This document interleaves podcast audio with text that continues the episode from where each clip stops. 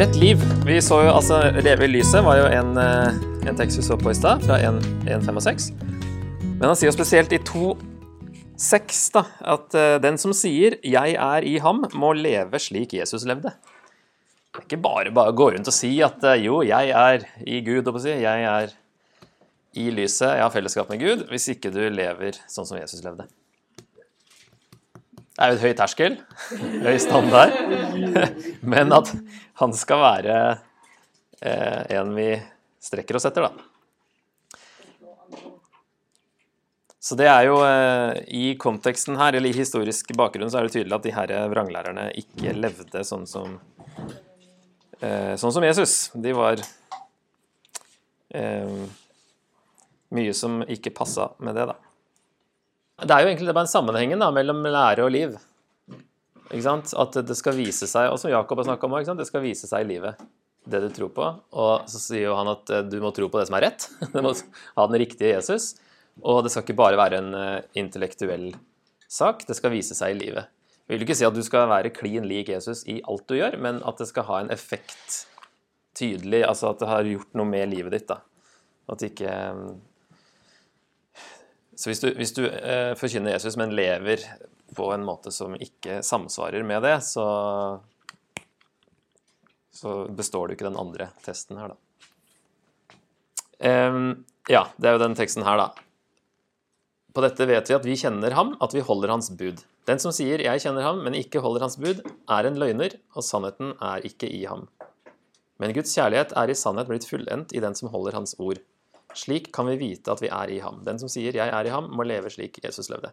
Og her, når det gjelder 1. Johannes, så må vi eh, Vi har en tendens til å lese det brevet her som om det blir det her, eksempel. Eh, at Johannes høres ut som han er veldig opptatt av at eh,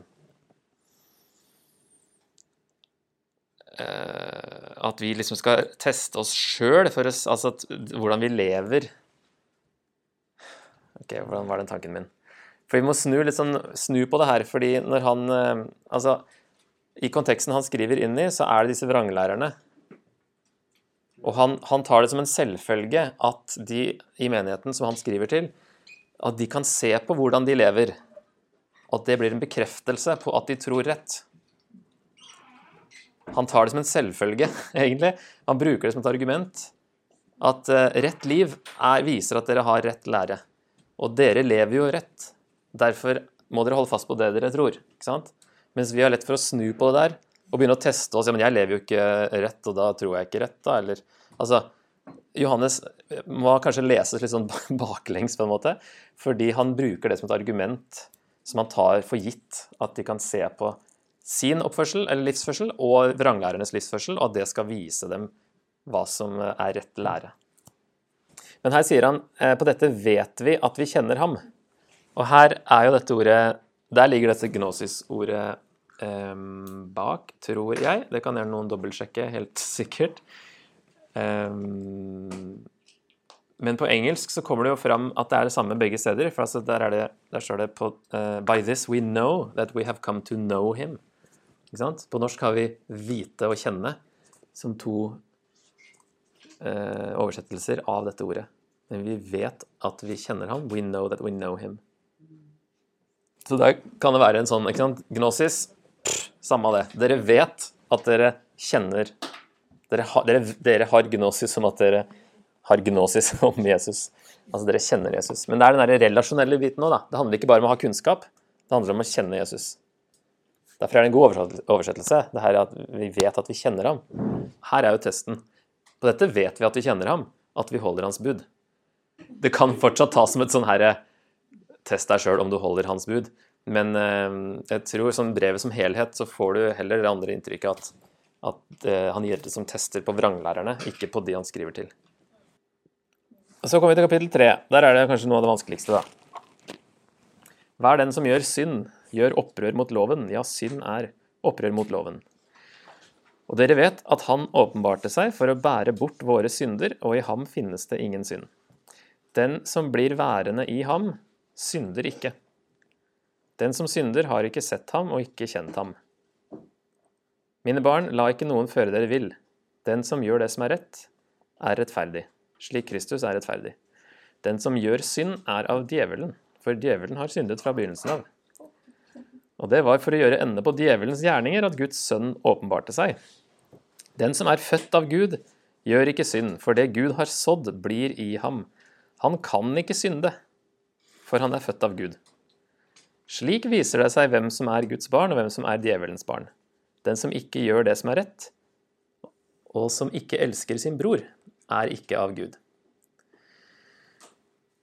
Altså, det, kommer, det som er litt uh, sånn med norsk, da, at du får ikke alltid sett de her eh, forskjellige greske verbtidene, eller aspektene, som det heter. Eh, som du kan se på engelsk. For det står f.eks. Eh, i vers 8 der Den som gjør synd, er av djevelen. Og på engelsk står det da 'Whoever makes a practice of sinning is of the devil'. Og så står det i vers 9 der han kan ikke, han kan ikke Eh, kan ikke synde, for han er født av Gud. På engelsk står det, i hvert fall en engelsk oversettelse, har 'He cannot keep on sinning because he's been born of God'. Så den ing-formen på engelsk får fram det den greske verbaspektet er, at det er en, en gjentagende ting. Det betyr ikke at du, det er ikke mulig å synde i det hele tatt. Det er jo, har han jo sagt tidligere, eh, at vi kan ikke si at vi ikke har synd. Da bedrar vi oss selv. Her, men her snakker det om at vi kan ikke fortsette å leve en synd, på en syndig måte, i en syndig eh, livsførsel, da. Når vi er født av Gud. Så det er en vedvarende ting, en livsstil-ting, og ikke engangshendelser. Og det forklarer jo egentlig det meste av det avsnittet her. Um, og henger jo veldig sammen med det som Paulus har skrevet i rombrevet og andre brev. Um, den som synder, altså den som, den som, lever, fortsetter med en syndig livsstil, som Paulus også spør, skal vi da bare fortsette å synde, så at nåden kan bli enda større? Måtte det aldri skje. For den som gjør det, har ikke sett Gud har ikke kjent Gud. Har ikke skjønt det. Kjenner ikke Gud. Kjenner du Gud, så vil du ikke gjøre det. Ikke da vil du ta etter Jesus. Da vil du ikke fortsette med et syndig liv. Den tredje testen, altså kjærlighet, det henger jo sammen med rett liv. Men det at man elsker sin bror osv. Eh, kan ikke si at man er i lyset hvis man eh, ikke elsker sin bror. Eh, det er da den tredje testen. Og i fire sju Her kommer det fire, sju og åtte, så du kan lese litt fra det avsnittet. Mine kjære, la oss elske hverandre, for kjærligheten er fra Gud, og hver den som elsker, er født av Gud og kjenner Gud. Her har vi det motsatte fra i stad. Den som synder, er av djevelen og har aldri kjent Gud. Den som elsker, er født av Gud og kjenner Gud. Den som ikke elsker, har aldri kjent Gud, for Gud er kjærlighet. Den som synder, har aldri kjent Gud. Den som, eh, eller kjenner i hvert fall ikke Gud. Den som ikke elsker, har heller aldri kjent Gud. Så det er en parallell der, da. Og ved dette ble Guds Her er en sånn kjent sak. Gud er kjærlighet. Ok, og så kan det lett bli en sånn eh, der vi definerer kjærlighet litt hvordan vi mener det er, og sier at det her er det viktigste av alt. Men det forklares etterpå her, da. Og ved dette ble Guds kjærlighet åpenbart blant oss, at Gud sendte sin enbårne sønn til verden for at vi skulle leve med ham. Ja, dette er kjærligheten. Ikke at vi har elsket Gud, men at han har elsket oss og sendt sin sønn til soning for våre synder. Mine kjære, har Gud elsket oss slik, da skylder også vi å elske hverandre. Det er også det her med fellesskap med Gud som har noe med å gjøre med fellesskapet med hverandre. Men Guds, Guds kjærlighet forklares jo som at han uh, sendte sin sønn til soning for våre synder. Det er Guds kjærlighet. Og det er den ubetingede kjærligheten i nåde. Og det er ikke alle våre definisjoner av kjærlighet. Her er det jo, det er jo en delt menighet, og han prøver jo å reparere litt, tenker jeg. Prøver å patche litt opp og fokusere på kjærligheten, elske hverandre. Um, prøver å liksom helbrede en menighet som har gått gjennom en splitt med å fokusere på det her med å elske hverandre, da. Ja, her er også det motsatt vei-tanken, da. At um, uh, siden vi elsker hverandre, betyr det at vi er født av Gud og kjenner Gud. Hver den som elsker, er født av Gud og kjenner Gud. Så betyr ikke det liksom test deg sjøl på om du elsker, for da betyr det at du er født av Gud. Men motsatt. Eh, siden vi elsker hverandre, så betyr det at vi er født av Gud, og vi kjenner Gud. Det er et tegn på at vi kjenner Gud, at dere vet, dere vet. Dere kjenner Gud, og dere har sannheten. Det er det dere hørte av apostlene. Og så hopper jeg litt til kapittel 5, vers 6 eh, til 8. Det er et litt rart eh, vers, der, der kanskje Bibelen, Guds ord, har et litt lengre avsnitt. For det her, Hvis jeg leser fra min først Han, Jesus Kristus, er den som kom gjennom vann og blod, ikke bare med vannet, men med vannet og blodet. Og Ånden selv er vitne, fordi Ånden er sannheten. Og så er mitt vers 7 her bare 'for det er tre som vitner', kolon. Og så kommer vers 8. Men der har du med litt Du har med litt mer i vers 7, har du ikke det? For det er tre som vitner i munnen. Faderen, Ordet og Den hellige ånd. Og disse tre er én. Ja. Det er tre som vitner på jorden, ånden, vannet og blodet, og disse er ett. Ja. Og det, vers 8 her er at ånden, vannet og blodet og disse tre samstemmer. Og det fotnotet her står det noen få sene håndskrifter har For det er tre som vitner i himmelen, Far, Ordet og Den hellige ånd. Altså veldig treenigheten forklart. Og disse tre er ett. Og det er tre som vitner på jorden, ånden, vannet og blodet, og disse tre samstemmer. Og det, er, der forklares jo treenigheten veldig, veldig bra, og det er vel kanskje noen som har tenkt at det Johannes egentlig mener, er treenigheten, når han sier eh, øh, ånden, vannet og blodet, selv om det høres litt rart ut, og det skal være Fader, Sønn og Ånd. Eh, men det her er et, ikke et vers man da ville bruke f.eks. med Jehovas vitner, for de vet veldig godt at det ikke er i de opprinnelige håndskriftene. Og eh, det tyder jo på at det ikke var det, når det ikke fantes noen eldre enn det. Så eh, poenget er nok kanskje noe litt annet, tror jeg. At eh, det her med de gnostikerne som eh, ikke kunne tro at Jesus var både Gud og menneske, de mente at den guddommelige Kristus kom over mennesket Jesus fra Nasaret i dåpen, men forlot ham før han døde på korset, som vi så i begynnelsen. Så godt mulig disse versene betyr at Jesus Kristus både ble døpt, vannet, og døde, blodet, uten at noe skal skilles fra hverandre.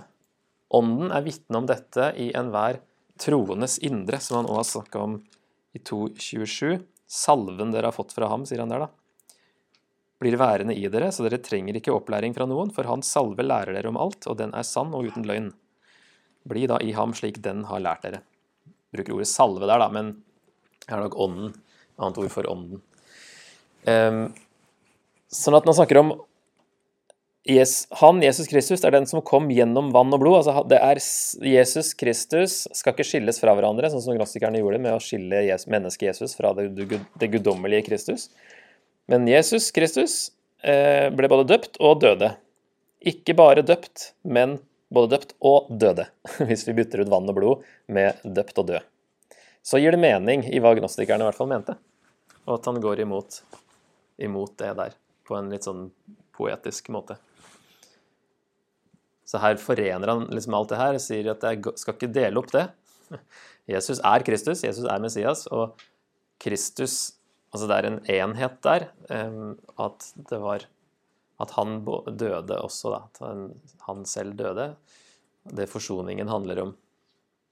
Gud ble menneske som døde for oss, ikke noe sånn gnostisk finurligheter.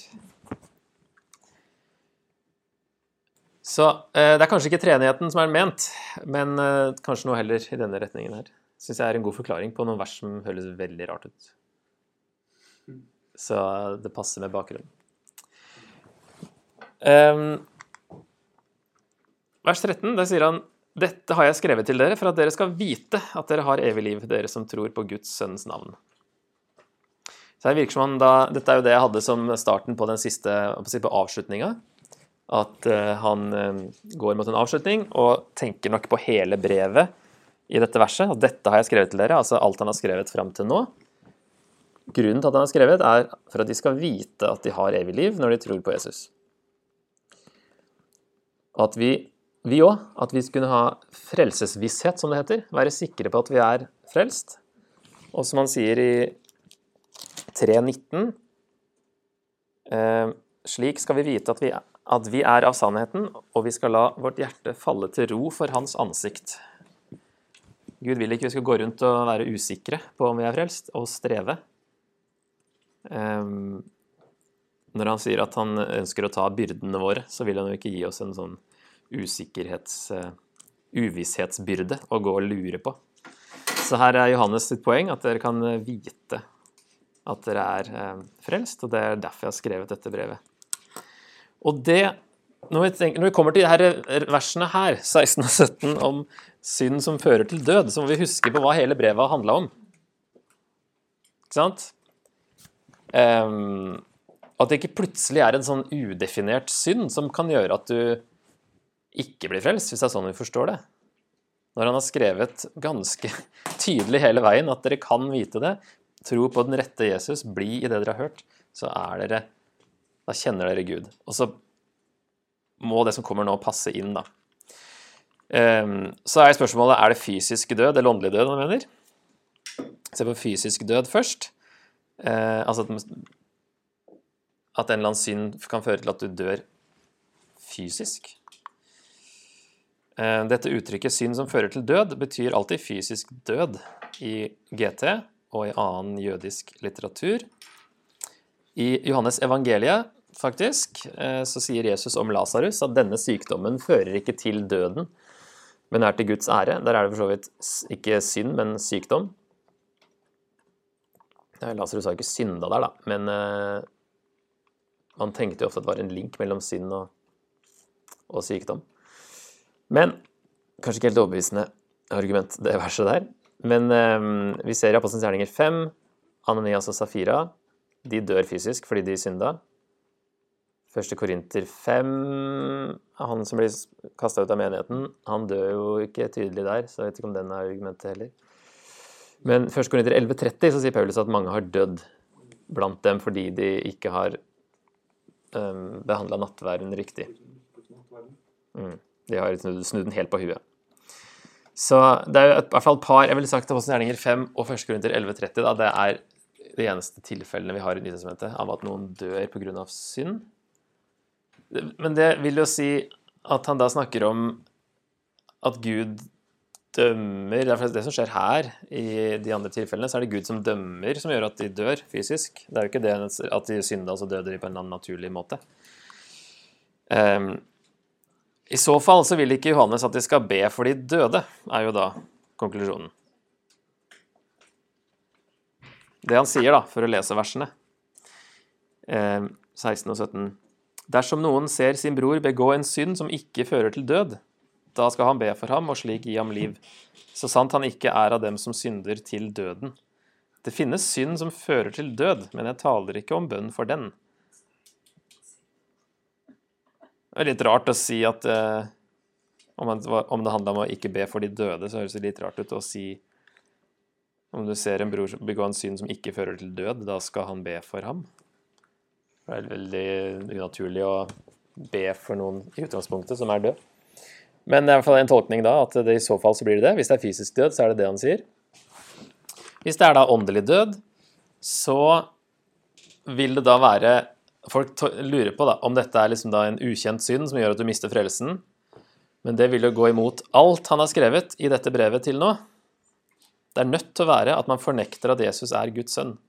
Da avviser man den eneste måten synd kan bli tilgitt på. Og i kontekst av ranglærere også. Em, For altså, de har tilgivelse for all synd, har han sagt. Det å bevisst velge seg ut av det kristne fellesskapet ved å fornekte Jesus, slik disse utbryterne har gjort, vil da føre til åndelig død. Og da virker det som han i så fall sier at de trenger ikke bruke tid og krefter på å be for de som har gått ut av menigheten. De har kjent sannheten, men så har de valgt å gå en annen vei.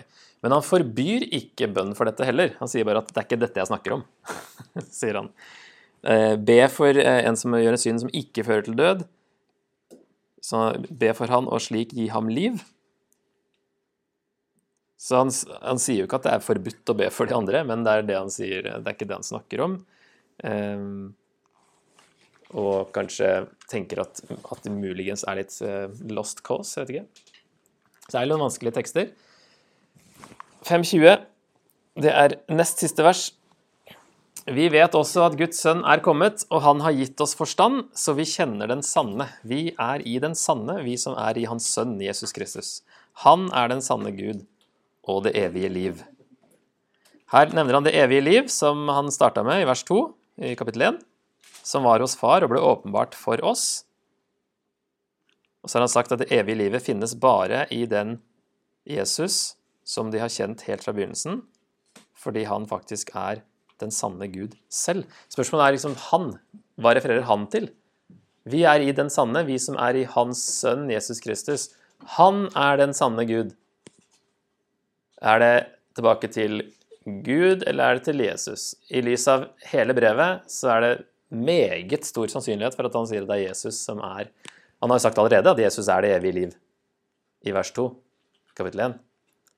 Og det evige livet finnes bare i den Jesus, fordi han faktisk er den sanne Gud selv. Så det er en ganske sånn pangslutt, egentlig, her med å si at Jesus er faktisk eh, den sanne Gud. Derfor er det evige livet der. Så eh, for å oppsummere alle ting vi kan vite, da, ifølge dette brevet her 14 ting vi kan vite fra 1. Johannes. Vi kan vite at vi kjenner Gud siden vi holder hans bud. Der er siden. Forklare litt mer, da. Der, vi kan vite det siden vi holder hans bud. Det er en selvfølge at vi gjør det. Vi kan vite at vi er i Gud fordi vi holder Hans ord. Vi kan vite at vi skal bli lik Jesus når han åpenbarer seg. At Jesus åpenbarte seg for å bære bort våre synder. At vi er gått over fra døden til livet, for vi elsker våre søsken. At vi er av sannheten når vi elsker i gjerning og sannhet, og vi kan la vårt hjerte falle til ro for hans ansikt. At han er i oss, og det vet vi fordi han har gitt oss sin ånd. Vi kan vite at hver ånd som bekjenner at Jesus Kristus er kommet i kjøtt og blod, er av Gud, at vi elsker Guds barn når vi elsker Gud og holder Hans bud, at vi har evig liv, vi som tror på Guds sønns navn, at Han hører oss hva vi enn ber om, og at vi allerede har det vi har bedt ham om, at hver den som er født av Gud, ikke fortsetter å synde, at vi er av Gud, og at hele verden ligger i det onde, og at Guds sønn er kommet og han har gitt oss forstand, så vi kjenner den sanne. Det er ganske mye Gud og Johannes vil at vi skal vite, eh, og ha frelsesvisshet. Det ordet gjentas mange ganger. Du kunne hatt en trace på det òg. Kjærlighet og det å vite. Det er eh, temaer.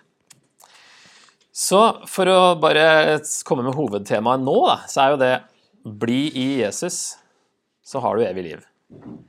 Eh, han snakka ganske mye om å bli i Jesus her. Én, to, tre, fire, fem, seks, sju, åtte ganger i hvert fall. Står av og til oversatt med 'bli værende i'. Men det handler om å, å bli i det, det, man har lært. Så hvis vi skal ta Jeg tenkte å ta de testene her til uh, løfte de ut og lage litt anvendelse av de. Um, så den første testen er rett lære. Og da er det to to eh, punkter på det. Altså, det første handler om kristologi og Bibelen. Altså kristologi om det som handler om Jesu natur. Det evige livet finnes bare i den sanne Jesus. Vi har dette livet når vi holder oss til det apostlene skrev i Nytestamentet. Nytestamentet består av apostlenes vitnesbyrd fordi det var apostlene som hadde vært øyenvitner, var utvalgt og hadde fått autoritet av Jesus. Bibelen gir oss den rette lære, ikke mennesker som har fått spesiell kunnskap eller åpenbaringer. Står du støtt nok i dette? Hvor gir vi Hva gir vi mest autoritet? Og ja, dette med den rette Jesus og det, den Jesus som Bibelen gir oss. En annen under rett lære er eh, dette med fellesskap med Gud. Johannes sier vi kan kjenne Jesus, som er den sanne Gud, og ha fellesskap med Faderen og Sønnen.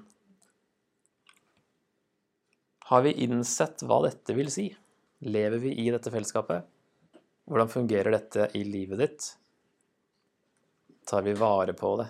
At vi kan kjenne Jesus, ha fellesskap med Faderen og Sønnen. Har vi skjønt hva det, betyr? Og lever vi i det?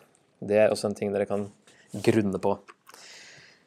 Test to rett liv, om å bekjenne synd. For å ha dette fellesskapet med Gud må vi la Jesus være vår forsvarsadvokat, men da må vi bekjenne vår synd. Sier vi at vi ikke har synd, som han eh, nevner, eller redefinerer vi synd for å unnskylde oss? Og den siste testen, kjærlighet på det kristne fellesskapet. Aksepterer vi andre i Guds fellesskap? Kristne som mener noe annet, kristne som irriterer oss. Kanskje punkt tre. Eh, ja, det skulle vært kanskje punkt to der, da. Eh, kanskje forrige punkt er sentralt. Eh, når vi lar Jesus rense oss for all synd, og vi har fellesskap med Gud, blir det naturlig å elske andre, som vi har sett også. Så kanskje, hvis det er vanskelig å elske andre, så kanskje vi Altså, det er en god, godt uh, utgangspunkt uansett å gå til Jesus med ting først. Og la han jobbe med oss. Kanskje han må rense oss for et eller annet. Sånn at det blir lettere å elske andre. Det henger sammen. Det er mye i det brevet her som henger sammen og går inn i hverandre. Um, men kanskje det blir mer naturlig å elske andre hvis vi har gått med alt til Jesus først lar han hjelpe oss med det.